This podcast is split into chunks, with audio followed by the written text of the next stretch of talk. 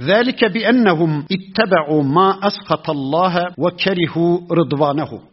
Bu münafıklar Allah'ın sevdiği, Allah'ın razı olduğu ne varsa onlardan nefret edip kaçıyorlar ama Allah'ın gazaplandığı, Allah'ın öfkelendiği ne varsa onlara tabi oluyorlar. İttebe'u, tabi olmak, bakın Arapçada bir kişinin gözüyle, kulağıyla, aklıyla ve kalbiyle bir şeyi takip etmesine ittiba denir. Şimdi bu ayet sebebiyle Allah için kendimizi bir daha sorgulayalım. Gözlerimizle acaba Allah'ı kızdıracak dizileri, filmleri mi daha çok izliyoruz?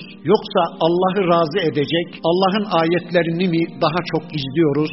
Onu Allah için bir daha düşünelim. Kulaklarımızla en çok neleri dinliyoruz?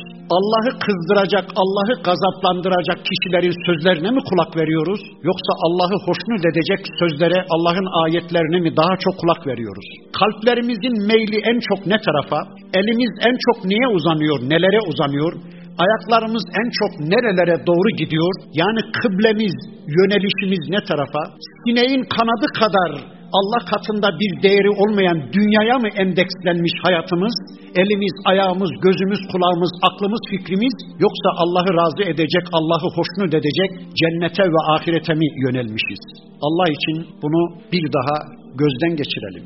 Bakın diyor ki münafıklar Allah'ın sevdiği ne varsa ondan nefret ediyorlar, tiksiniyorlar ama Allah'ı gazaplandıracak ne varsa onun peşine takılıyorlar. Fe ahbata amalehum çok yakında Allah da onların bütün amellerini boşa çıkaracak. Gerek Müslümanlar adına kurdukları komploları, fileleri ve tuzakları Allah boşa çıkaracak, gerekse ahirete intikal edecek bütün amellerini Allah boşa çıkaracak.